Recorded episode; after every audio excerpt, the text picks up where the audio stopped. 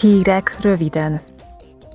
Olaszországba látogatott a Közlekedési és Idegenforgalmi Bizottság egy küldöttsége, hogy felmérje, hogyan halad a transeurópai projektek megvalósítása. A képviselők először megtekintik a genovai áruforgalmi kikötőt, amely Európa egyik legfőbb kapuja a földközi tengerre. Ezt követően Firenzében egy idegenforgalmi központ kialakításáról tájékozódnak. A program szerint emellett ellátogatnak az innovatív, nagysebességű vonatokat gyártó Hitachi Rail genovai központjába is. Nairobi-ban tárgyal a Fejlesztési Bizottság. A képviselők a helyszínen tanulmányozzák, hogyan hatnak az uniós támogatással megvalósított projektek Kenya fejlődésére.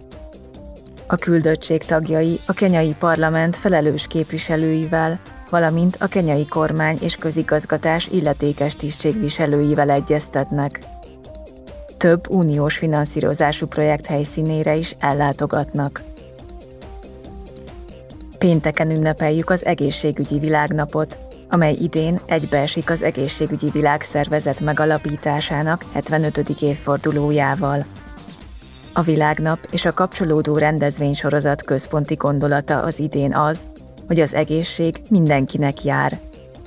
Jó alkalom ez arra is, hogy számot vessünk az elmúlt 75 év eredményeivel. Mit sikerült elérnünk a népegészségügyben, amivel javítani tudunk az életminőségen? Az egészségügy bővelkedik a kihívásokban. Az idei világnap ösztönzést adhat a jelenlegi és jövőbeli nehézségek leküzdéséhez – az Európai Unió kiemelt feladatának tekinti polgárai egészségének védelmét és javítását. Támogatja az egészségügyi infrastruktúra korszerűsítését, és mindent megtesz az európai egészségügyi rendszerek hatékonyabb működéséért. Támogatja az egészségügyi infrastruktúra korszerűsítését, és mindent megtesz az európai egészségügyi rendszerek hatékonyabb működéséért.